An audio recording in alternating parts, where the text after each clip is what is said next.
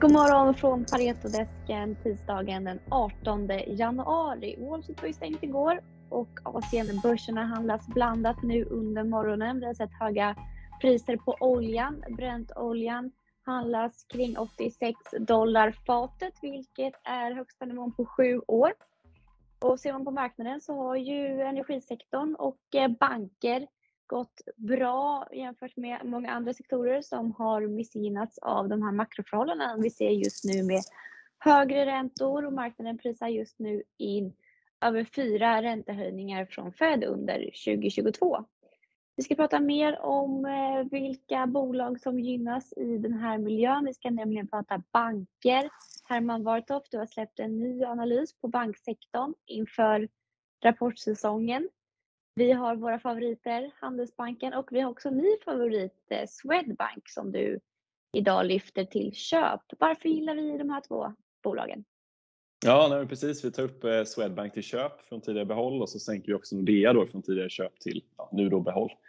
Eh, så det är lite fördel bolånebankerna tror vi inför 2022. Eh, vi tycker väl generellt sett att eh, att, eh, ja, att bankerna kommer stå inför en ganska bra makroekonomi här nu under 2022, ganska bra miljö att verka i. Eh, under 2021 var kanske fokus lite på de starka finansiella marknaderna och allting vad det innebar i form av transaktioner och så vidare. Eh, och även då en väldigt stark bolånemarknad som ju fortsatte uppåt eftersom att huspriserna gick väldigt starkt då. Eh, nu under 2022 så tror vi att kanske fokus kommer skifta lite och att man kommer börja prata mer om räntehöjningar och även om eh, kanske återföringar av vissa kreditförluster då som man har i bankerna som man tog i början på pandemin. Eh, men vi gillar både, både Handelsbanken och Swedbank. Vi tycker de är ja, attraktivt värderade. Swedbank är den billigaste banken av alla egentligen, lite drivet av den här pengatvättshärvan som fortfarande hänger över dem till viss del. Då. Eh, men vi tycker att de har, de har förbättrat sin, sina utsikter ganska bra här sen vi tog upp bankerna till bevakning i början på sommaren. Eh, då hade vi egentligen två stycken stora eh, eller stora, men två stycken orosmoment kan man säga för Swedbank. Det var dels att man tappade marknadsandelar ganska kraftigt inom bolån och sen var det också då att man trodde att man skulle ha ganska, ganska stora kostnadsökningar efter den här, ja, kopplade till pengatvätt egentligen. Och nu tycker vi att man, man har levererat bra på dem, båda de två punkterna under 2021 eh, och eh, man, ja, marknaden tar ganska, ganska väl höjd då för, för att eh, det kommer komma en, en bot från, från USA förmodligen. Så vi tycker att det där är ganska inprisat hela den, den historien och att man ändå presterar väldigt bra i underliggande i banken. Då. Så därför tycker vi att Swedbank är ett bra, ett bra pick i sektorn. Eh, när det gäller Handelsbanken så har vi ju haft den på köp egentligen sedan vi började täcka, täcka sektorn. Det här är en bank som brukade handlas med en premiumvärdering egentligen jämfört med sektorn. Eh, men nu efter några svåra år i framförallt UK eh, så handlas ju också Handelsbanken till en lite av en rabatt jämfört med till exempel SE-banken och Nordea. Ehm, vi tror ju att de här problemen som man haft i UK inte kommer att bli så mycket värre härifrån. Eh, och vi tycker då istället att man ska fokusera på det som är kärnverksamheten i Handelsbanken som är bolån och även asset management. Man växer ju väldigt kraftigt då. Eh, man tar ju ungefär 30% av nettoinflödena på asset management-marknaden eh, samtidigt som man har en marknadsandel på ungefär 10% Så att man har en väldigt bra, bra trend inom det och så håller man också uppe bra sin position inom bolånemarknaden. Då egentligen. Ehm, så det här då i kombination med att man har en del eh, strategiska initiativ som att man stänger ner en del eh, kontor och man ska nu även gå ur Finland och Danmark. Så det då kommer leda till att man kommer få en mycket mer, mycket mer kostnadseffektiv bank framöver och liksom mer fokuserad på det man faktiskt är bra på.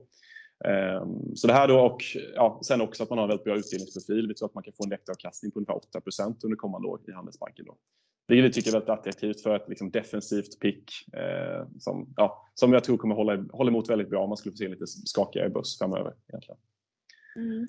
Så räntehöjningar, strategiska, bra omstruktureringar och sen återföring av kredit, eh, kreditförlustreserverna. Hur påverkar det bolagen?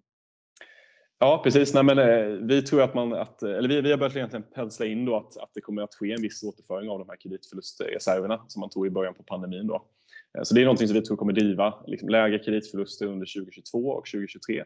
Eh, och det kommer såklart vara väldigt, eh, väldigt positivt för bankerna. Då. Och är, det, är det både Swedbank och Handelsbanken som det här är aktuellt för eller är det någon som Ja, jag skulle säga att, det, ja, jag skulle säga att det, just, just Handelsbanken har kanske inte riktigt lika mycket kreditförluster, eller har inte riktigt lika mycket extra kreditförluster att, att föra tillbaka. Då. Eh, mm. Men, eh, men för de andra så tycker jag att det är ett väldigt aktuellt tema. Eh, absolut. Och du var inne på värdering också. Hur, mm. hur ser det ut? Hur handlas de här aktierna? För det känns som att det här börjar bli favoritaktier. Börjar det synas i kurserna tycker du? Eh, ja, nej, men jag tycker att det fortsatt är en, väldigt, eh, en ganska normal värdering på banker egentligen. Det handlar om ett P-tal på 10,8 i snitt för 2022. Eh, som inte är, eh, eh ja, förlåt, 10,8 på 2022 med en price book på 1,3 ungefär. Eh, och man, på det kan man få en utdelning på ungefär 6,5 procent. Så jag tycker att det, jag tycker att det, är, liksom, det är en attraktiv värdering för, för sektorn. Eh, sen har ju aldrig värderingen på bankerna varit så superhög. Eh, man kan, kan få en P 13-14 på sin höjd. Liksom. Men, men, men det är ändå bra, bra värderingsstöd tycker jag i sektorn generellt. Mm. Ja, men, tusen tack för det Herman. Ja, tack själv. Och eh, tack för att ni har varit med oss. Vi börjar närma oss rapportsäsongen. Vi har ju eh, amerikanska banker som håller på att rapportera för fullt. Här i Sverige får vi senare i veckan EQT bland annat och sen får vi också Sandvik som kommer på fredag. Så det startar igång rapportsäsongen för verkstadssektorn. Och sen så kommer ju dina banker nästa vecka va Herman, eller när kommer de? Mm, precis, eh, SEB den 27, det är storbanken. Mm. Första storbanken. Ja, det blir... Ja. Spännande att följa hur de står sig. Tack så mycket. Ha en bra tisdag.